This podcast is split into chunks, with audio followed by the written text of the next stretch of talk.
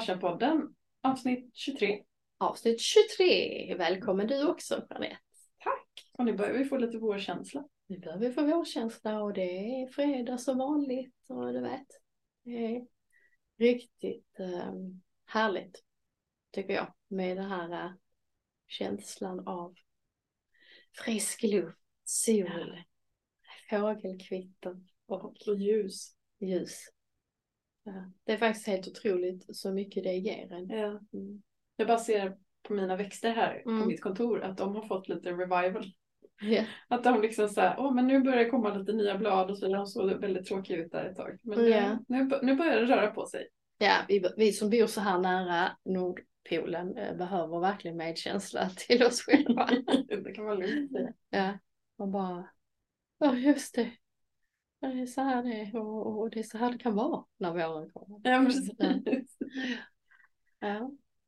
Idag ska vi ju fortsätta lite på vad vi pratade om förra gången där vi gjorde ett rollspel för att förtydliga för er just alltså att få, få tag i den här inre självkritikern Ehm, och hur den kan vara ett eh, inre hinder Mm. för saker som man eh, vill nå men tycker är svåra och läskiga och, och sådär. Um, vad säger du? Hur, hur upplevde du det Jeanette med den här karaktären inom dig som poppade upp när du kände ensamhet? Um, jag tror att jag beskrev det i första avsnittet också, att det, den har ju liksom lite två sidor. Den ena är ganska och hopplös och liksom uppgiven och ingen idé och sådär. Och jag är ganska um, förlamad på, på många sätt. Det är också en ganska förlamande känsla i kroppen. Och sen så finns det ju någonting som är hårt i det också. Eh, och som ehm, Hotfullt med liksom. Ja. Mm. Ehm, som, som känns mycket mer så som, alltså du vet när man har muskelinflammation i kroppen. Alltså Mm. så här, lite febrigt, brännande, Mm. eh, som blir väldigt så Mm. argt eh, och hårt. ja, den kan vara lurig självkritikern. Ja. Den kan ju, som du säger också, ibland alltså när vi undersökte tonen, kroppshållningen, hur kändes det, kroppsspråket, sådär. Att, att den kan ju vara smygande och försiktig. Eh, men, och ibland kan den vara väldigt hård och elak och Mm. eh, så. Då kan den ju vara lite tydligare kanske. Ja. Men den får känna, ändå känna liten och svag och rädd och Mm. eh, ja, man tappar modet liksom så. Mm. Så för, förra gången kunde vi se orsaken till att den kommer, förstår vi. Alltså att orsaken är att den vill kolla på allt som är hotfullt så att vi ska slippa känna skam. Och det är bättre att du håller dig här hemma så du inte eh, på något sätt möter det här obehagliga och misslyckas och det blir bara fel och hopplöst allting. Men det gör- blir ett stort inre hinder och vi kommer ju inte kunna till exempel bryta ensamhet då, utan Nej. då blir vi fast. Ja. Mm. Och det har de varit för länge, tänker jag på, så är det ju någonting vi känner igen så himla mycket. Och då blir den ju också, känns den ju också sann. Alltså den, Mm. den blir dominant och då känns det ju, man känner igen den och då blir det också en känsla att den här är sann. Mm. Ehm, men om vi säger så här att okej, vi förstår varför den är där, men, men vi kom ju ganska krasst fram till att den här hjälper ju inte. Den är ju inte hjälpsam. Nej. Därmed har den inte en funktion. Vi kan förstå varför den kommer men i längden har den ju inte en funktion om jag Mm. vill eh, eh, liksom hitta mod inom mig till att göra läskiga saker som leva mitt liv som jag vill liksom. Och det tänker jag väl en jätteviktig poäng det här med är det hjälpsamt eller inte. Mm. I att identifiera vad, vad liksom Mm. fyller det en funktion för mig. Ja. Ehm, och vi pratade ju, vi pratade lite innan och jag sa att den att självkritiken kan ha ett signalvärde i att den liksom hjälper oss att förstå att det är någonting som inte är som det ska. Mm. Och det kan ju i sig vara hjälpsamt att vi Mm. får den här liksom blinkande Mm. röda lampan Mm. för "Vopp, nu är det någonting här. Men sen så blir det, jag brukar säga att det sättet som eh, den självkritiken förmedlar saker inte blir hjälpsamt. Nej. Nej, Eh. effekten av det blir ju inte det att hela kroppen blir uppstressad. Eh, ja. Det är som att ha en inre mobbare ju, när Mm. man verkligen skulle behöva en vän. Så, Mm. mm, så vi kan förstå varför den är där och så. Men jag tänker ju att det är ju väldigt läskigt att släppa självkritikern om man inte mm, har något annat som är starkt och skyddande eller som Mm. kan ta tag i saker och sådär. Och vi pratade om, jag tror det var första avsnittet när vi pratade om liksom vad är självmedkänsla och vad är det inte Mm. att um, självmedkänsla. Kan ju ha lite så här två sidor, lite yin yang liksom att, att och vi har pratat mycket om den sidan, den lugnande sidan, alltså den mjuka, eh, lugnande, tröstande sidan, att hitta hela centrala nervsystemets lugn och ro, hela det är okej, jag förstår, alltså tonen man pratar till sig, att lugna ner eh, hotsystemet Mm. eh, och lindra lidandet därmed så är ju väldigt hjälpfullt. Men det finns ju också eh, ett behov att ska du vara medkännande till dig själv så behöver du ju också vara tuff ibland. Mm. Alltså, Behöver du kunna behöver- sätta gränser. Du behöver sätta gränser, du behöver vara ganska liksom bestämd. Mm. Uh, um, för annars är du inte medkännande till dig själv. Utan gränser finns det ju ingen medkänsla till mig själv. Nej, och då kan jag också, då tillåter jag ju också att andra går in och Mm. gör mig illa och klampar runt i mitt inre ibland. Ja. Eh, och det funkar inte det heller ju. Nej. Så ibland kan det vara hjälpsamt att undersöka för sig själv att var, hur kan jag hitta någonting som vill mig väl, som är medkännande, men som kan sätta gränser, som är bestämd, som är, kan säga till mig liksom att det här är inte bra för dig, du, du, nu, nu behöver vi göra så här eh, och så. Eh, för jag tror att för många är det väldigt, väldigt läskigt att släppa självkritikern om man inte har hittat det inom sig. Jag tycker ni som lyssnar nu, alltså nu hör ni kanske på, eh, på Åsas ton att den blir mer bestämd. Precis. Och jag tänker, Mm. om, om ni hade suttit mitt emot Mm. som, som jag gör så hade ni också sett att hon ser så mycket mer bestämd ut. Det blir liksom den här känslan av att henne, henne kan jag inte köra över så där himla lätt. Där är ett kroppsspråk, ja. där är en ton som är bestämd och så. Ehm, så jag Du- tänker, hur, Du pratade om det innan det här Mm. med att, att faktiskt försöka känna in det i kroppen, Mm. att hitta den där, Mm. den där bestämdheten i kroppen. Mm. Och, och jag tycker att det är kul att så här, eh, laborera lite med att hitta en, en kroppsposition som Mm. illustrerar det, just det du beskrev. Mm. Det här, det här som är lite bestämt, det här som liksom på något sätt också signalerar att det här står jag för. Mm. Och du kan inte bara komma och säga precis vad som helst till mig. Nej, och där kan finnas ett lugn i den bestämdheten och så. Det här är väldigt tricky för att om vi, om vi, om vi tittar här, man brukar kalla det här för fierce compassion, liksom att hitta sin Mm. styrka här så. Och, och, och om du tänker med ilska,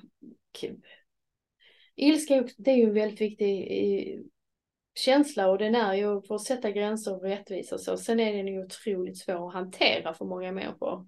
Alltså att bli, bli arg på rätt sätt, vid rätt tid, på rätt person. Alltså det är Mm. ganska svårt så. Eh, och ehm, Jag, Jag tänk- knepigheten med ilska är väl att det är en, hot, det är, alltså det är en hotfokuserad känsla. den hotfokuserade känslan. Ehm, vilket gör att det också, alltså alla hotfokuserade känslor påverkar ju liksom ehm, vår hjärna Mm. och, och gör att vissa delar av vår hjärna stängs ner. Så vi är ju inte så smarta när det här triggas igång i oss. Nej. Ehm, vilket innebär att, att, att den, den är också mycket svårare att reglera. Mm. Jag tänker att det här beror sig på Mm. Acceptans. Vår granne borrar här. Jag tänker att det här beror sig på hur intensiteten i ilskan också. Mm. För en lågintensiv ilska skulle ju kunna vara hjälpsam i att sätta gränser. Mm. Men en högintensiv ilska gör att vi skriker och gormar, kanske Mm. kastar saker och så vidare. Det blir oftast inte alltså, Nej, Men jag tänker att alltså, absolut att man kan behöva det, men det behöver jag ju om de skulle attackera mig här på gatan och mitt liv var i fara eller de slog mig. Då skulle jag ju be dem fara åt helvete. Vad fan håller du på med? Alltså det behöver jag ju. För att skrämma bort dem. Jag skrämmer bort dem så. Men det är ju inget jag behöver på ett möte om jag inte är överens eller om jag är kränkt på jobbet. Så. Nej. Och här kan det vara att man blandar ihop. Mm. Att man tänker att jag behöver skydda mig, jag behöver skjuta ut pilar, Mm. jag behöver liksom eh, försvara mig på ett sätt där jag liksom har taggar ut hela jag och, och, och, och är liksom hotfull nästan liksom Mm. i att eh, men fan är du, du ska inte sätta dig på mig typ och Mm. du kan dra någonstans och så. Eh, och vilket kan bli väldigt smärtsamt för en Mm. när man hamnar i den strategin. Att den är den som gör att jag ska skydda mig. För att hur reagerar andra människor när de känner taggar? Ja, känner de ju, fäller ut taggar mot dig. Mm. Och då hamnar, hamnar du ofta i ett lidande ju. Mm. Det är ganska mycket konflikt. Ja, Det blir konflikter, du löser ingenting. Människor kanske blir relations, alltså problem med relationer och så. Och det enda du kanske har tänkt är, men jag måste ju skydda mig, jag måste ju säga ifrån, jag måste stå upp för mig själv. Mm. Och, så. och det ska man. Men på ett mer sätt som um, inte blir så hotfullt. Och jag kan, jag kan tänk- tänka så här att en, en stor skillnad mellan ilska och liksom en mer bestämd medkänsla är att ilska tänker alltid jag har rätt och du har fel. Mm. Det handlar mycket om liksom hur, hur, hur sårad jag var eller hur kränkt jag var eller hur mycket, alltså mycket lidande du har skapat för mig. Jag har inget fokus på vad som händer för dig. Och det tänker jag är den stora skillnaden. Att en mer eh, bestämd medkänsla kan fortfarande hålla kvar i det. Det här blir inte bra för mig. Men medvetenheten om att det här kanske inte heller blir bra för dig. Mm. Alltså så att man fortfarande har Mm. fokus på att det finns två, två personer Mm. involverade här. Och det har inte ilska. Ilska skiter fullständigt i det. Mm. Ehm, Och vilket blir väldigt mycket lidande för oss i Ja. relationer, på jobbet. Så, eh, man möter inte och sen, kanske, sen kommer ju den här, eh, kommer man hem och sen så kommer den här självkritikern igång med. Att eh, vad gjorde du nu och nu tycker alla det här om dig och så kommer skammen igång. Och sen så är, det blir lätt en negativ spiral av det. Eh, Så att träna sig på att hitta den här, eh, och de hör ju ihop de här yin yang, för man kan ju börja med att man bara wow, känner man kränkt, lugnar sig själv och sen bara nej. Men alltså det här är tredje gången detta händer på mötet. Det här är inte okej för mig. Det här tänker inte jag gå med på. Mm. Och så kanske man signalerar, kan säga det när man har lugnat ner sig lite, att man med kroppsspråket visar bestämt att det där kändes inte bra för mig. Mm. Det är inte okej att du säger så till mig. Vi får titta på liksom hur vi ska mötas med detta, men så här kan vi ta det. Och då signalerar man med hela kroppen, med sin ton och så, här är min gräns. Och, och jag tänker, um, det, här, det här kommer ju ganska lätt för dig tänker jag, eh, Åsa. Men, men, men jag då som är en, en mer konfliktskygg person i, av naturen eh, har ju haft ganska svårt för det här. Att, att, att vara tydlig med de där gränserna. Och en sak som har hjälpt mig mycket var när jag, alltså när jag faktiskt fick in det här perspektivet på hur blir det här för andra? Att det blir inte så hjälpsamt för andra om inte jag sätter gränser för då vet de inte riktigt vad de har mig. De inte, vet heller inte om de gör mig illa. Nej, så det är också medkännande till andra att sätta en gräns. För det är ganska hemskt för andra att de kan gå runt och göra mig illa och jag mår jättedåligt Mm. över det. Men de vet inte om det. Nej, för jag har inte signalerat den gränsen. Det är ganska obehagligt att vara runt omkring människor Mm. som inte signalerar det. Mm. Så säg så att jag fyller 50 år, det händer grejer med en när man har jobbat med sig själv och så. Så jag tror att 25 år så hade jag nog sagt liksom att ja, ah, fast jag har nog rätt svårt att sätta gränser eller 30 år och så, så tänker jag. Ja. Speciellt det kan vara situationsbetingat, det kan vara olika i olika situationer. Jag kan komma ihåg att jag tyckte det var svårt om jag var på möte med bara män och så till exempel. Mm. Jag kunde bli ledsen istället. Alltså, Mm. då, det blev inte alls bra för mig. Att jag kunde älta när jag kom hem. Eller så att du skulle egentligen ha sagt det här och varför Just gjorde jag inte det. Och så. Men det kan vara väldigt medkännande till mig själv. Så att ja, det var inte så lätt. Mm. Det var inte så lätt att vara ung tjej eh, bland män. Liksom. Mm. Mycket härskartekniker. Det är, ju- alltså, man har mycket minnen av att man kanske inte har funkat så bra. Mm. Sådär, liksom. Det blir läskigt ju. Så. Och ibland när jag jobbar med klienter när vi pratar om hur man ska, liksom, hur, hur ska jag hitta det här så jobbar vi både med kroppspositioner som jag sa innan. Mm. Men också att hitta liksom några, några sådana uttryck som jag kan hålla fast i. Som att, att få träna sig på att säga det där, det är inte okej. Mm.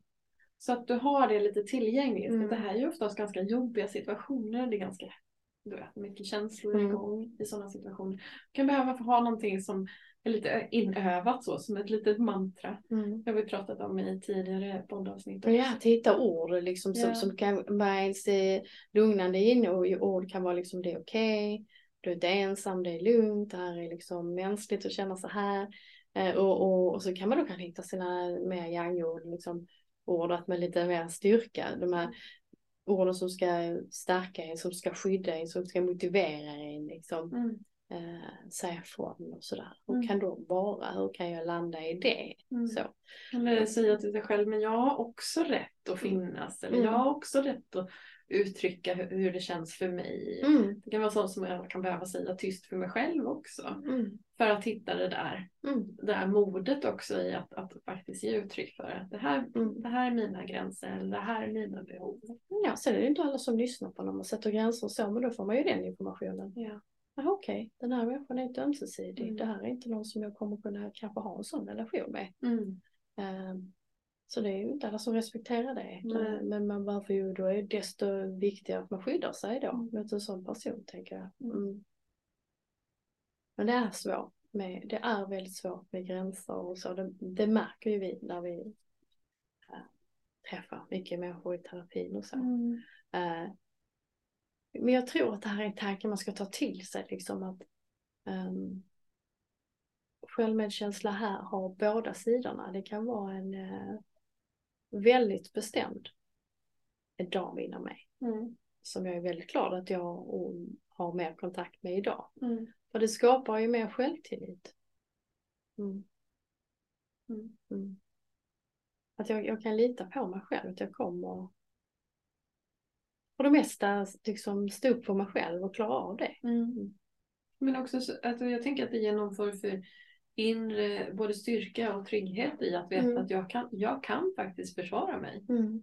Och jag måste inte försvara mig antingen med att slå på mig själv eller få något så här argt utbrott till exempel. Eller, Mm. eller att jag går runt och ältar i all evighet. Utan jag kan sätta de här gränserna med stor tydlighet gentemot min omvärld. Och liksom på något sätt skydda mig själv på det sättet. Mm. Utan att det blir farligt för någon annan.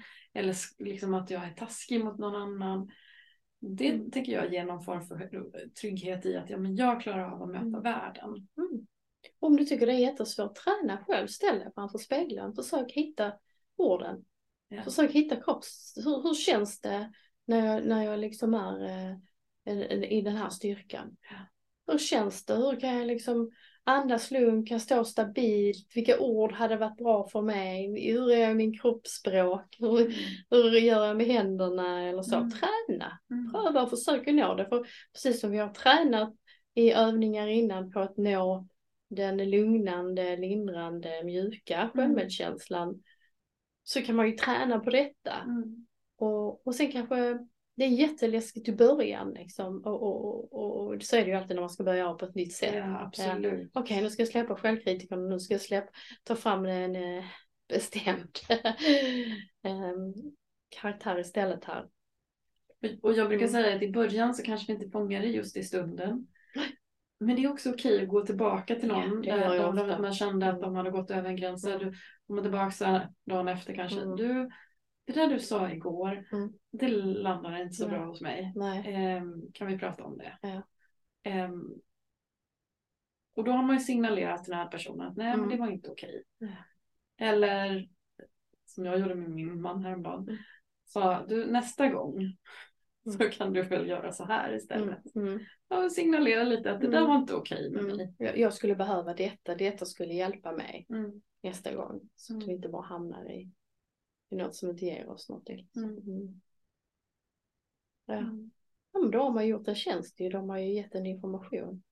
Människor kan ju inte läsa tankar liksom, kan ju inte bara förstå vad, var ens gränser går eller vad man behöver utan att man behöver signalera ju. Mm. Ja, inte ens du och jag kan läsa tankar. Nej, det, jo det kan jag. Kan alla psykologer, det. Nej, nej, det kan jag definitivt inte jag. Även om vi kanske har blivit ganska bra på att läsa av kroppsspråk och tonfall. Och... Ja, alltså man kan nog få den upplevelsen men jag tänker att vi fortfarande inte kan det. Alltså, Nej, vi det kan vi absolut inte. Det hade varit superläskigt om man hade kunnat det. Ja. Det hade ju varit en bestraffning att kunna höra andras tankar. Ja. Med tanke på att vi tänker ju allt möjligt. Jag har inte tänkt så mycket knäppt. Ja, vi tänker mycket. Men okej. Så alltså fierce compassion. Hitta styrkan inom dig. Mm. När du ska eh, låta självkritikern ha mindre makt på, inom dig Mm. så behöver du flytta in en annan Mm. eh, eh, tuffing som vill dig väl. Mm. Som står vid din sida. Som motiverar dig, som skyddar dig. Som säger kom igen nu. Mm. Det här är tufft va? Men nu tar vi ett steg i taget. Ja. Så den kan också hjälpa i till exempel att bryta ensamhet. Mm. Att självkritikerna inte har så stor makt längre utan att man eh, hittar en, någonting annat inom det kan. Jag tänker bryta många mönster. Mm, många mönster, inte bara Mm. ensamhet. Mm. Mm. Ja. ja, det var väl det vi hade att säga om det. Ja, Ja, det blir dags att ta helg. nu börjar det bli dags att ta helg och så. Jag ska åka till mitt trygga rum i stugan. Ska åka på span den här helgen. Va? Det har du inte sagt. Nej. Alltså, jag, jag är ju addicted to spa. It's a confession from a therapist. My biggest addiction. ja, nej, jag kände att jag behövde det spa. Gud vad härligt. Ja, det får jag höra mer om sen. Mm. Men vi önskar er det bästa. Tack Och, för att ni eh, lyssnar. Tack för att ni lyssnar och ha det så bra. Hej då! Hej hej!